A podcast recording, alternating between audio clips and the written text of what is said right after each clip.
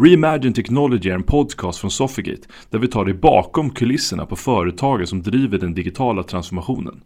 I varje avsnitt träffar vi huvudpersonerna bakom denna resa och lär oss om deras bakgrund, intressen och drivkraft. Samt hur deras företag arbetar med affärer, teknik, digitalisering och mötet dem emellan. Intervjuer gör som vanligt Sofigate Swedens VD Mikael Thunberg.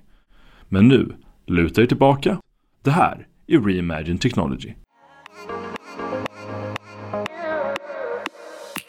Varmt välkommen Patrik! Kul att ha dig här. Ja, men tusen tack. Kul att få vara här. Ni vann ju Årets hållbara projekt förra året eh, och det är ju en väldigt fin utmärkelse också. Har du lust att prata lite grann om det projektet som, som ni vann priset för och, och lite grann vad handlar det om? Ja, men absolut. Eh, för det första var det väldigt överraskande för oss att vi fick priset överhuvudtaget. Eh, jag vet fortfarande inte vem det var som har eh, nominerat oss till detta pris för att göra en lång, börja i rätt ände då, så redan 2018, 2019 så började Sveaskog att bevaka AI-trenden. Och eh, gjorde ett eh, ganska grundligt jobb. Vi identifierade, tror jag, 17 olika tillämpningar av AI, det vill säga vad kan man göra med AI som skulle kunna flytta nålen på Sveaskog. Och utav de här 17 så tror jag fem hamnar på kortlista och sen så tog vi kontakt med eh, två företag, Forestex och eh, 1050 och började bearbeta de här eh, olika eh, användarfallen då. Och vinnaren blev det här projektet ur den processen. Och när jag började på Sveaskog, det var hösten 2020, eh, så kickade vi igång det här projektet. Och eh, vi fick, fick, ganska snabbt eh, bra resultat och, och, vi kunde slå, se då att, eh, att maskinen kunde slå människan då. Och vad vi gör då, vad det här projektet gör, vad, vad den här tillämpningen gör, det är att när, när en, en skördare går ut i skogen så har den en sån här aggregat som sitter längst ut på en kranspets med en sågklinga på. Och när aggregatet fattar tag om trädstammen så vet den hur tjockt trädet är och av vilken sort det är. Och genom att då optimera en algoritm så vet vi också vilka längder vi ska ta ut av den här råvaran. För vi har en prismatris som är inprogrammerad i skördarmaskinen. Och i och med det då så kan vi matcha råvaran med vad kunderna vill ha och priset för råvaran också och minska spillet då. Och det blir ganska stora tal för vi gör ju väldigt mycket eh, avverkningar då. Så att vi gör cirka 7000 trakter på ett år på Sveaskog. Så det blir stora tal. Och eh, ja, det är helt enkelt vad mjukvaran gör. Nej, och jag tror att ni gjorde absolut rätt där och började titta ur användningsfallen. För jag tror också att det är många bolag som pratar om att vi ska AI, vi ska kunna göra det här. Eh, och jag har faktiskt hört en del eh, högre chefer också som pratar att men vi har jättemycket data, vi slänger in hög och så kopplar vi på AI på det så får vi jättemycket bra och kloka slutsatser. Och det vore jätteskönt om det vore så. Eh, men för, för min del så tror jag att det är väldigt viktigt att man försöker titta på, just som du säger, vad är mm. användningsfallen? Vad är resultatet? Vad är det vi vill åstadkomma med hjälp av den här klokare eh, analysen av datorna. Mm. Så att eh, det, det, låter som eh, rätt inställning. Mm. Och sen är det också ganska kul att, att, höra att skogsindustrin kanske som kan betraktas så, som en bransch som kanske inte uppfattas så eh, väldigt avancerad på samma sätt. Och precis som du säger, de här små marginalerna eller par procent hit och dit på de volymerna som ni har måste göra en väldigt stor påverkan i slutändan. Mm. Nej men helt rätt och, och det finns massor kvar att göra. Eh, så, så eh, i och med att eh, tekniken blir mognare, det finns mer, eh, mer sådana här användarfall att ta tag i så, så kommer vi se en, en, en ganska stor utveckling, förutspår vi i alla fall, de kommande fem åren. Och jag tror just som några av de eh, projekt som vi varit involverade i också, så ser man, om man väljer rätt typer av projekt redan från början, så ser man en väldigt tydlig nytta på verksamhetssidan väldigt snabbt. Och då blir det också lättare att få mer budget för nästa projekt eller utöka det man nu gör. Så man kommer igen och börjar ganska snabbt och sen får eh, skalbarhet på, på det. Mm. Nej, men helt rätt.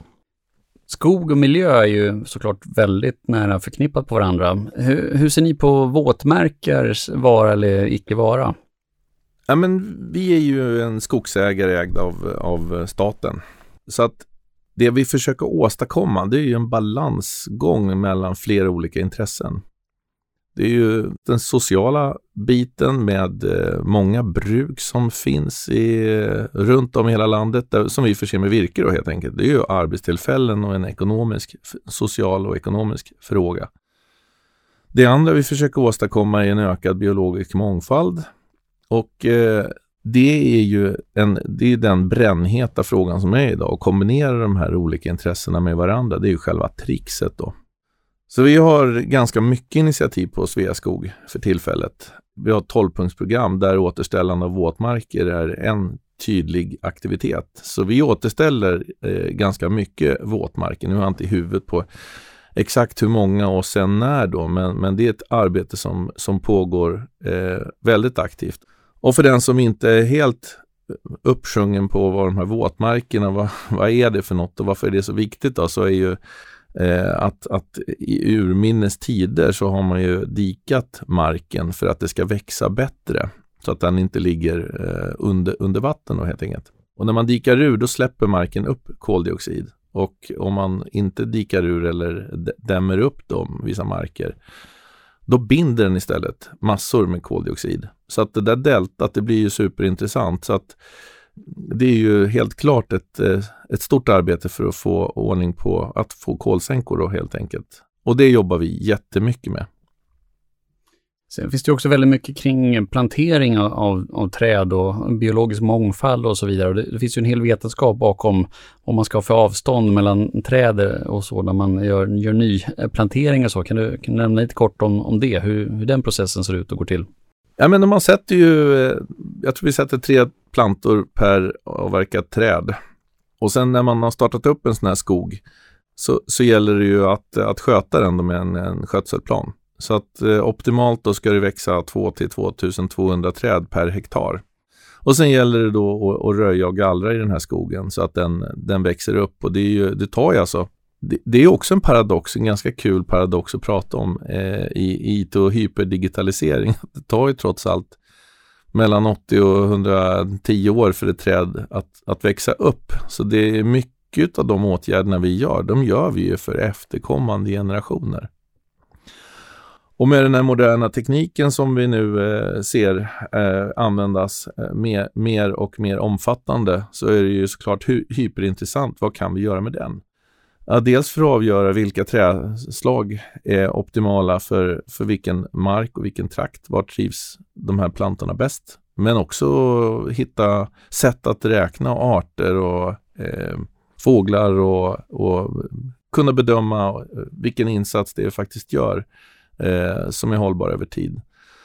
Så detta med hållbarhet, det är ju ett ganska stort nummer på Sveaskog eh, och en naturlig del i allt vi gör. Sen är det inte lätt att gå alla intressen till mötes, det ska gudarna veta. Men vi gör väldigt mycket bra saker och vi har ju sett en, en kursförändring de senaste tre, fyra åren, eh, skulle jag säga, med en accent nu på, på senaste par åren.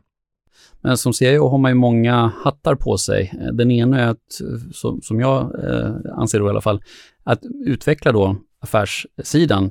Men det finns ju andra aspekter också just kring hur skapar man rätt struktur, hur skapar man rätt förutsättningar för IT-avdelningen och hur hittar man synergierna däremellan? Ja, men det, det är också något som jag tycker har, har växt på senare år. Ja, men governance kring applikationer, ett nytt säkerhetsparadigm vi, jag tydligt ser växa fram. Eh, alltså kombinera klassisk hederlig ITIL och sunt förnuft eh, med den här eh, affärsdrivna utvecklingen. Det är ju en balans och, och, och försöka hitta den hela tiden. Eh, jag brukar beskriva det som en dans lite grann där verksamheten ibland har förningen och, och leder dansen och ibland är IT eh, har, har förningen och, och, och leder dansen. Det är en delikat balansgång. En grannlaga uppgift. Och det kräver ju också en väldigt noggrann och, och eh, bra kalibrering med, med affärssidan. Eh, hur ser du att, samverkan fungerar eh, nu mellan de olika affärsområden som ni har? Ni har ju ganska många olika saker som ni arbetar med. Eh, det, det, kanske inte är så smalt som man vid första anblick skulle kunna tro att Sveaskog sysslar med.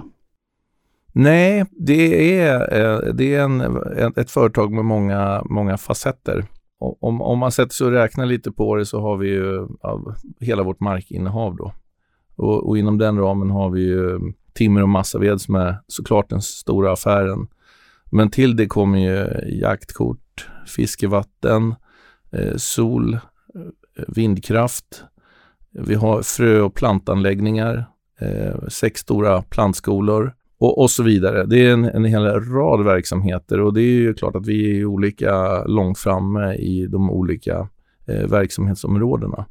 Och, och, alla är inte heller lika tydligt definierade som uh, rena affärsmodeller. Och det där är ju superintressant uh, uh, att, att jobba vidare inom och bättre förstå. Det låter som en spännande sak att ta itu med. Men, ni har ju många projekt och nya initiativ som du pratade lite om sen tidigare. Finns det något eller några av de här som gör lite extra stolt att vara anställd på Sveaskog?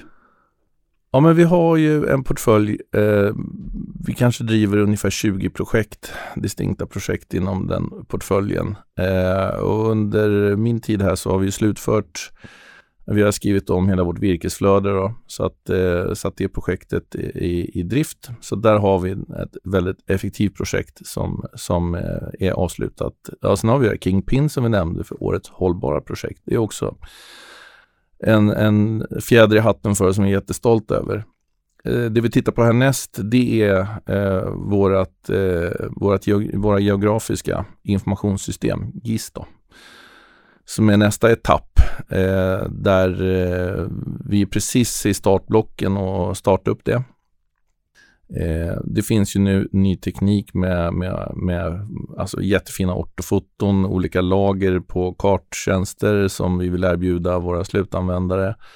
Eh, inventera vårt markinnehav i nyckelbiotoper och man räknar död ved och växt, växtlighet på, på varje trakt så att vi verkligen fångar data på rätt sätt.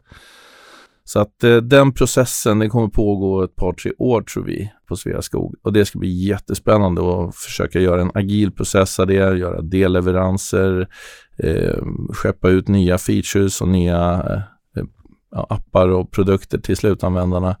Eh, så att det ser jag med spänning fram. Det ska bli jättekul att ta tag i. Det låter verkligen som en spännande utmaning. Eh, och I mitt huvud tänker jag redan olika typer av datamodeller och sätt att sätta upp det där på. Det är en, eh, det är en komplex eh, sak att eh, lösa eh, och det finns ju inte en, en lösning heller utan det kommer nog ta ett tag att hitta den perfekta vägen framåt där. Ja, det gör det. Vi har tittat på marknaden på standardprodukter och, och, och lite det där är temat i mitt liv också. Att, eh, vi är Sveaskog, vi är en stor skogsägare i Sverige.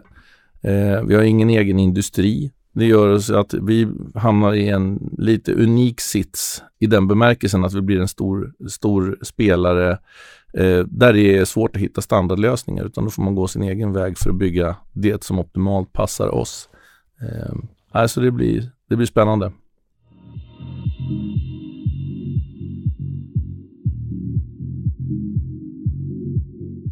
Det händer ju så mycket runt omkring. Hur jobbar ni med, med kompetensutveckling? Den ena är ju att utveckla den egna organisationen kontra att använda externa specialister emellanåt, för det, det är svårt att vara bäst på allt. Utan hur, hur väljer ni där in, internt? Hur tänker ni då?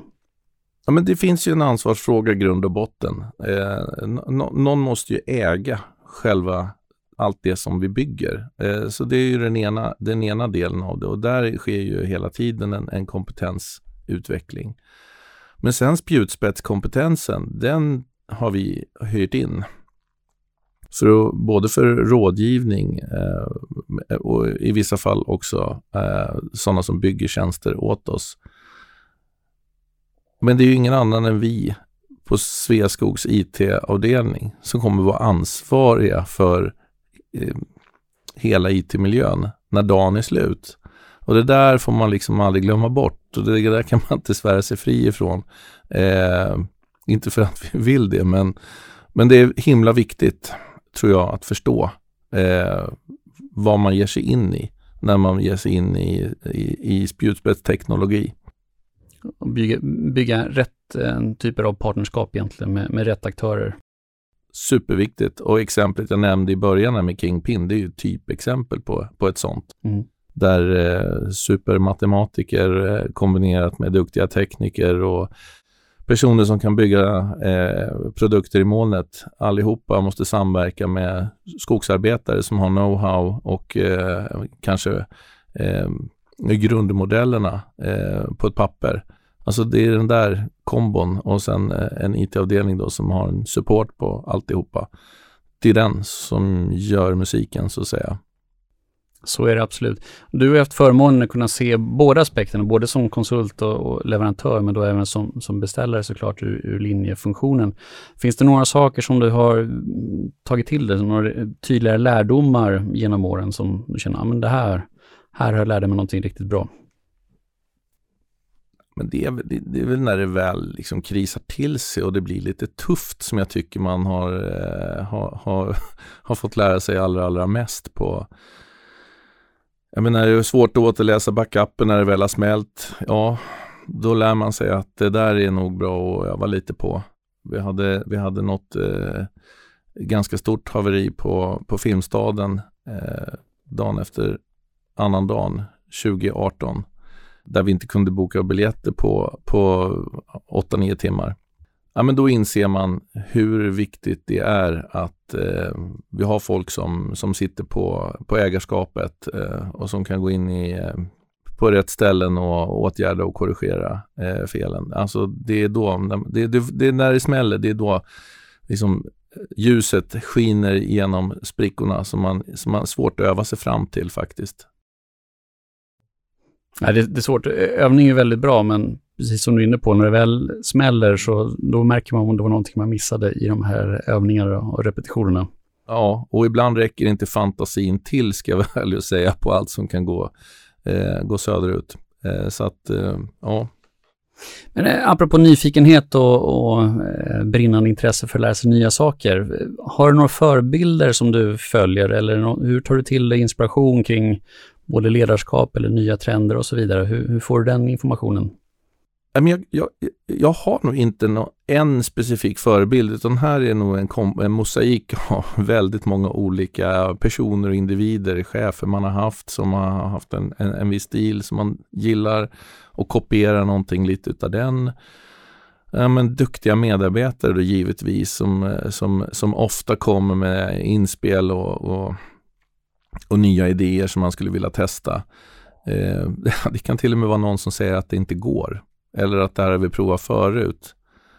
det är väl en motivation om något.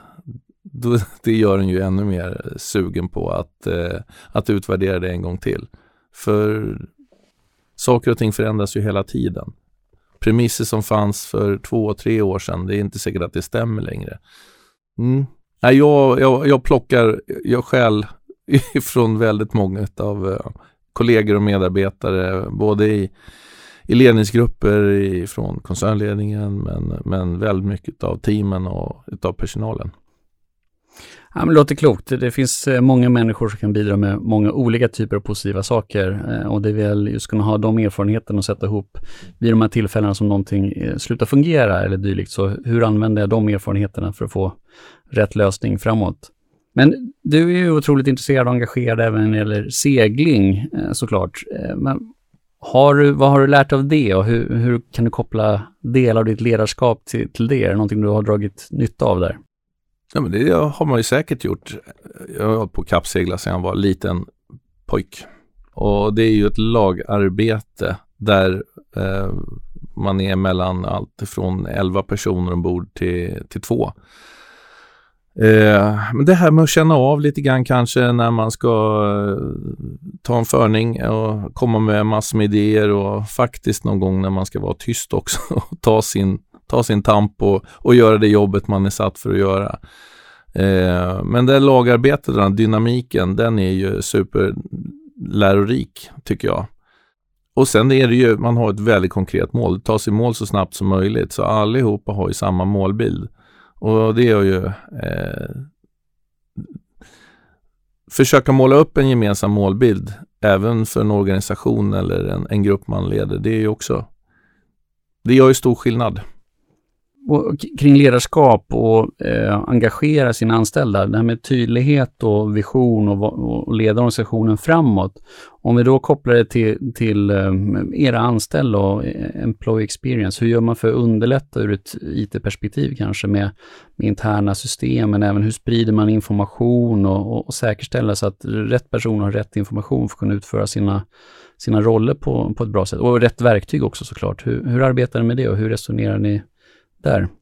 Det där är ju eh, alltid ett intressant kapitel och just Sveaskog upplever jag är eh, ett av de eh, mer komplicerade casen på just det.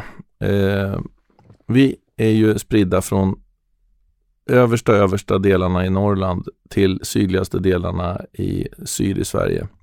Bara i Sverige, så det är ju lite enklare. Det är ett gemensamt språk. Vi sitter på 55 kontor. Eh, vi har 840 medarbetare ungefär. Eh, vi har användargrupper, allt ifrån ja, men individer som faktiskt eh, upplever att eh, det är bökigt med, med Office. Eh, för att det ingår liksom inte normalt i arbetsuppgifterna till superavancerade dataanalytiker och, och användare som kör, eh, kör så datorerna glöder. Och hela det där spektrumet eh, är ju användargrupperna. Så att vi har försökt på olika sätt. Det, det, senaste vi gör nu det är ju att försöka få, få till team som jobbar tillsammans, tvärfunktionella team som jobbar tillsammans med förändringsledning. Så när vi gör releaser så, så har vi fokusgrupper och användargrupper och när vi rullar ut nya, nya produkter och sen har vi en utbildningsinsats då. Men även i den här förändringstakten som vi ser framför oss med eh, att vi kan göra en releasa eh, betydligt oftare än vi gjort tidigare eftersom det krävs, eftersom vi, vi utvecklar i snabbare takt i, i en agil process och släpper, försöker släppa var tredje vecka så är det ju såklart eh, en, en jätteutmaning eh, att, att få, få ut kommunikationen då eh, i samma takt. Så nu har vi anställt en eh, UX-designer. Så utöver de eh, UX-are som vi har i projekten så har vi nu eh, börjat satsa på att bygga upp den förmågan själva. Så att bli bättre på att göra enkla och intuitiva GUIn. Ja, försöka snäppa upp kommunikationen kring de produkterna vi bygger och sen utöka supporten då när vi släpper nytt. Det är ungefär de tricksen vi har tagit till. Men här finns det mycket kvar att göra tror jag. Det tror jag gäller hos de flesta organisationer. Jag tror aldrig man kan bli helt klar kring det här. Eh, om man kopplar tillbaka med coronasituationen, det har, har varit en annorlunda eh, senaste åren här, generellt sett kan man säga. Hur, hur påverkas ni av corona? Det är klart, de som är ute och arbetar i, i skogen kanske inte var samma sak med, med distansarbete och jobba på kontoret för era, eh, er personal som sitter på, på vanliga kontor. Hur, vad, vad hände för er där? Nej, men tack och lov så hade vi ju fått fart på Teams och eh, distansarbete redan innan och sen som jag nämnde då så har vi ju 50 plus kontor runt om i landet. Så att distansarbete var eh, ett, ett anammat arbetssätt eh, redan innan pandemin. Eh, nu flyttar vi till nya lokaler idag. Så vi har precis flyttat in på, på en ny adress Eh, och jag inser att jag inte träffat alla medarbetare som jobbar kring Stockholmskontoret eh, i, i, egen person än, utan det har bara varit på distans. Så jag tror att det finns, eh, det finns mer att göra och, och kombinera fysiska möten, alltså personliga möten eh, med, med eh, att, att köra eh, på distans. Nu, nu, är vi ju i en agil process med med eh, samplaneringsövningar. Vi är 80 personer på ett sådant samtal. Eh, och det är klart, det hade ju varit en saga att få träffa allihopa fysiskt. Eh, men vi har fått det att funka ändå, eh, ska jag säga. Eh, sen tror jag att hade, hade man kunnat toppa upp det och träffas fysiskt hade det varit ännu lite bättre. Men, men det har funkat. Det har inte varit några, några totala stopp i alla fall. Skönt att höra. Eh, tittar man lite grann som Sveaskog som arbetsgivare, vad, vad, skulle du vilja lyfta fram som du tror att många av dina kollegor skulle plocka fram som de mest positiva aspekterna för att jobba just hos, eh, hos er? Ja, men jag tror många idag söker ett, ett riktigt bra purpose med vad är det man gör under, vad är det företaget gör så att säga. Och det tror jag är eh, den här gröna omställningen, hållbarhet. Det finns ett högre syfte med varför vi finns till faktiskt. Så det tycker jag är en rätt, eh, eh, en, en, en rätt spännande faktor när vi har intervjuer och rekryterar. Och sen har vi den här med att vi finns på väldigt många platser runt om i landet så att det finns oftast ett kontor i närheten av en, en bygd så att man kan sitta i stort sett var som helst i landet och jobba. Ja, sen, sen tycker jag vi, vi är ganska så moderna i vårt arbetssätt och i vår teknik. Om vi pratar nu om, om tech då. Var, varför skulle man börja på jobba på Sveaskog? Och det blir vi av med ganska mycket teknisk guld och, och sen är vi, som någon sa det så bra, eh, tillräckligt små för att du ska kunna göra skillnad och tillräckligt stort företag för att vara relevant. Så det, det är lite det är lite vår grej. tittar man framåt, då, vi har ju pratat en del om det här med, med AI och några av de initiativ som, som ni har. Eh, ser du några större teknikskiften som ni kommer att arbeta med här framöver? Ja, men det tror jag vi kommer se. Jag tror vi kommer se mer eh, laserscanning ute i naturen och AI då som kan eh, Eh, göra bilderna av laserscanningen eh, rena och snygga så att eh, de blir användbara. Man kan räkna träd och den tar bort buskar och löv för bilden. Så det är ju en sån, det är ju, händer ju nu så att säga. Eh, ett annat teknikskifte eh, som vi tittar på nu det är ju att eh, kunna avverka träd med hjälp av drönare. Och, och, om man tänker sig att man slipper då stora skogsmaskiner som eh, är och kör i, i, i våta marker och så vidare. Om man skulle kunna göra det med drönare hade det ju varit en, eh, en, en game changer, det får man ju säga. Och tillbaka till temat där, precisionsskogsbruk. Tänk om man skulle få det där att fungera. Det hade ju varit hur häftigt som helst. Sen är det ju inte tekniken där riktigt ännu, men, eh, men vem vet. Det finns ju de här eh, maskinerna redan nu som kan lyfta 200 kilo och, och jag tror att de bara flyger under tak mestadels av tiden eh, idag. Eh, för, så vi har inte stockat flygande i luften på 200 kilo riktigt ännu, men, men den typen av eh, tillämpningar, det är ju hyperintressant.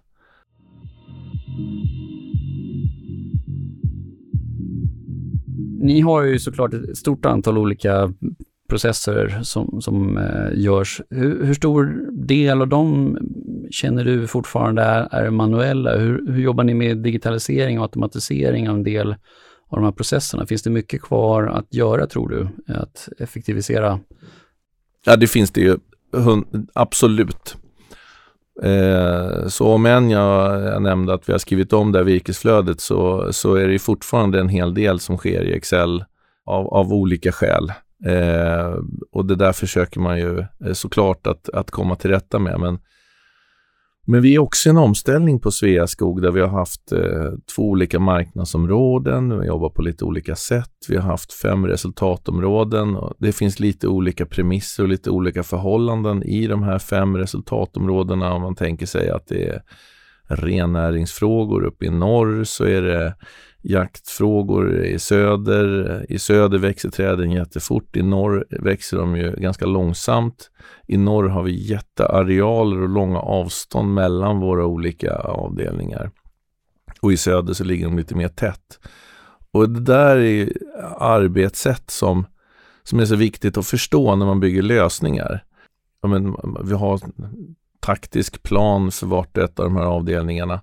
Ehm, och, och, och, den där sköts på, på olika sätt och, och, saker och ting har gått i arv från en, en, en områdesansvarig till en annan. Så att vi jobbar på, på, på de här arbetssätten eh, just nu då och försöker, eh, försöker likställa eh, vissa delar.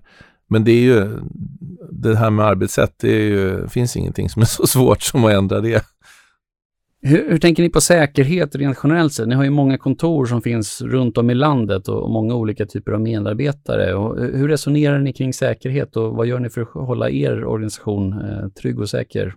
Nej, men en del är ju själva IT-säkerheten. Så vi har, man kan säga att vi har delat in eh, vårt arbete i tre olika delar. Det är en del som är informationssäkerhet och sen har vi en del som är cybersäkerhet, det vill säga skalskydd på sajter och så vidare. Sen har vi en del som är IT-säkerhet och det är ju klassiska höga behörigheter, rotaccesser, användaradministration och den typen av saker. Eh, och sen så har vi gjort en, eh, vi gör ett, eh, en 360 graders eh, scanning då på hur ser vår posture ut i de här olika dimensionerna. Och då är ju liksom användarutbildning, klicka inte på länken. Det är ju en del av det hela för att ja, klickar någon på länken, ja men då har man ju en, en, en, en potentiell sårbarhet då. Så vi jobbar mycket med LAN och learning eh, och små utbildningsinsatser till eh, hela personalen. Och sen så försöker vi då se över det här med användare och processer kring användarhantering och administration. Ehm, så att eh, vi har tagit ett eh, par ordentliga kliv ska jag säga de senaste två åren ehm, och framförallt senaste året. Och i den här rollen har det väl aldrig varit enklare än att argumentera för att man måste satsa pengar och tid och fokus på IT-säkerhetsfrågor Eh, vi ser ju DDoS-hotet eh, eh, ökar. Vi ser eh, brev ställda direkt till personalen. Vi ser eh, sådana malicious mails som eh, skickas till anställda och, och allt som är däremellan. Eh, det är ett helt nytt läge. Det är det vi, det vi, vi ser i alla fall. Det händer väldigt mycket spännande saker hos er, låter som klart. Och det, ni har ju kommit en bit på resan, men det är långt kvar, eh, precis som ni är inne på också. Då. Men tittar man ur eh, ett perspektiv och andra som lyssnar, finns det någon speciell typ av kompetens som ni gärna skulle ha lite mer av och, och varför ska de söka till, till er? Lösningsarkitekter. Ja. eh, nej men lösningsarkitekter är ju eh, en otroligt viktig och resurs och förmåga och, och vi försöker ju eh, med våra förmågekartor och liknande liksom mappa det vi, det vi försöker åstadkomma till projekt och använder olika linser för att titta på eh, vad är viktigt? Vad är det viktigaste vi har att göra just nu? Och väldigt mycket eh, hamnar ju på eh, bordet hos lösningsarkitekterna för att få ihop en målarkitektur som, som vi navigerar projekten emot. Ja, men väldigt mycket som strömmar där igenom. Så att där är den förmågan vi skulle behöva jobba mest med att uh, utöka.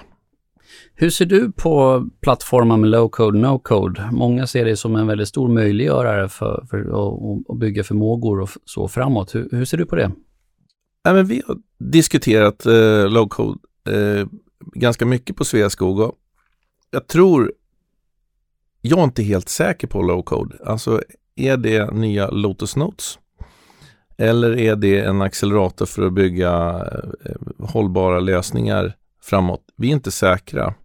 Jag tror att det beror på lite vilket företag man är och i vilken situation man är och vad det är för problem man ska lösa. Jag är säker på att det finns bra användarfall för att just använda low code, men vi har inte valt att gå den vägen. Nej, men det är intressant att du, du lyfter fram Lotus Notes igen och det, det var ju en eh, intressant tid också, får man säga. Eh, och, och, det, sagt, det fanns ju många fördelar med, med Lotus Notes eh, också och en hel del eh, utmaningar. Och det är väl nyckeln, är precis som du är inne på också, det gäller att hitta vad är det vi behöver och hur kan man använda plattformar på, på rätt sätt snarare än att tro att det är eh, nyckeln till allt. Ja, och svänga ihop någonting snabbt, prototypa i det.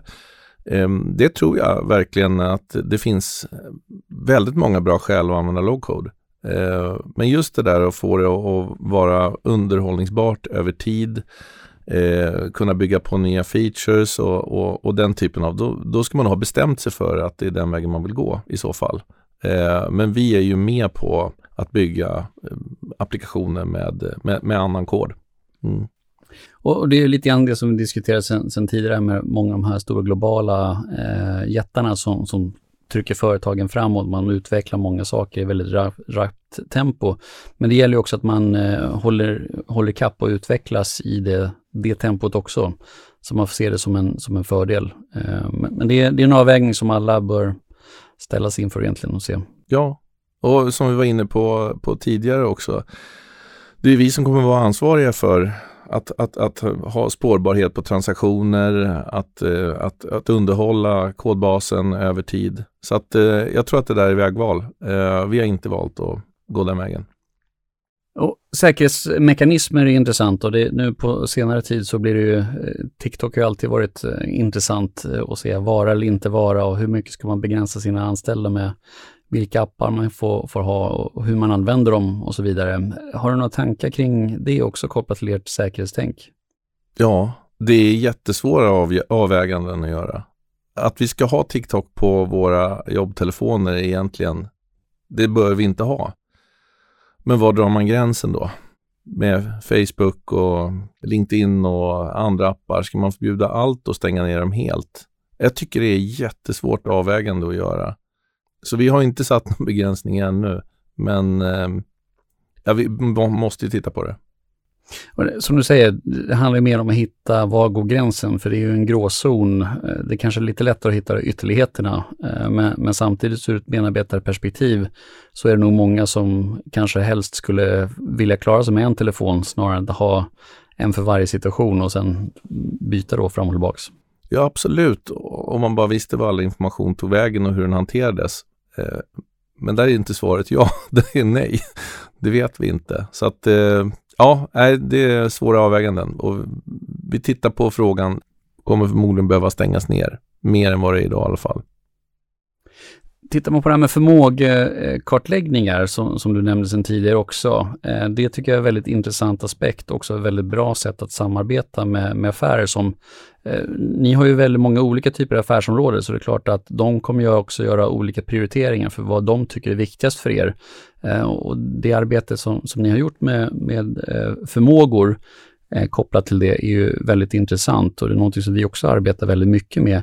Eh, har du några saker som du skulle vilja lyfta fram utifrån det perspektivet, vad du ser de största fördelarna med att kunna arbeta med förmågor och, och kunna diskutera med dem?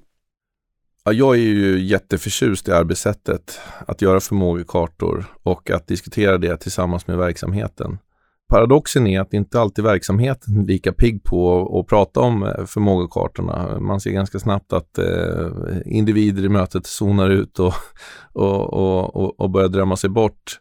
Men det är, det är ett mysterium för mig att inte det används mycket mer bland företag idag. Eh, både affärssidan men också från IT-sidan för att verkligen belysa eh, vart man kan hitta Eh, effektiviseringar och eh, ja, men, göra processer bättre. Vad satsar jag mina pengar? Hur säkerställer jag att jag gör det viktigaste? Det är ju hela nyckeln till allt tycker jag.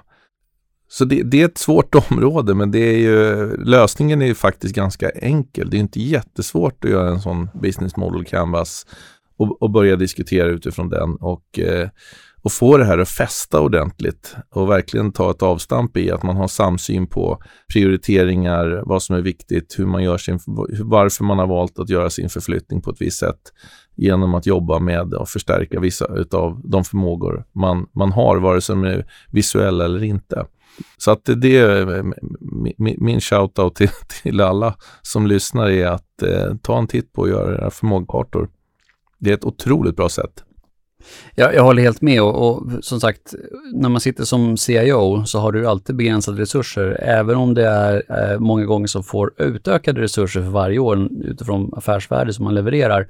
Men man kommer alltid få problem, för du kommer aldrig kunna mäkta med att göra allt. Så att, att kunna göra en, en, styrning utifrån förmågor och kunna diskutera med olika typer av affärsområden eh, ser ju vi är ju absolut ett nyckelverktyg för både CIOn, men vi har också sett ett par exempel där våra kunder, där vi har gjort ett arbete åt CIOn för att göra den här affärskartläggningen, där vi faktiskt, vdn har tagit det som ett verktyg för sin verksamhetsstyrning framåt. För att han ser att det är just ett sätt, hur ska vi prioritera inte bara eh, CIOns och IT-resursen, utan hur vi faktiskt ska vi prioritera och fokusera vår verksamhet framåt. Så det är absolut ett nyckelverktyg, eh, tycker jag också, utifrån hur man på ett pedagogiskt och visuellt sätt kan, kan få hela organisationen gå åt eh, liknande håll i alla fall, även om det inte kanske är 100% samma håll. Nej, men och, och, det blir ju så tydligt också när man har ett, en, det finns en metodik och det finns ett arbetssätt för att göra det på. Och det är ju en naturlag på något vänster att det finns alltid mer att göra för IT än vad man har eh, kapacitet till. Och kanske konstigt vore det annars också då, men eh, otroligt starkt verktyg. Eh, och vi använder det, vi har smakat lite på det. Och jag tror att vi kommer göra mycket mer av det framöver. Stort tack Patrik för att du kom hit och gästade vår podd.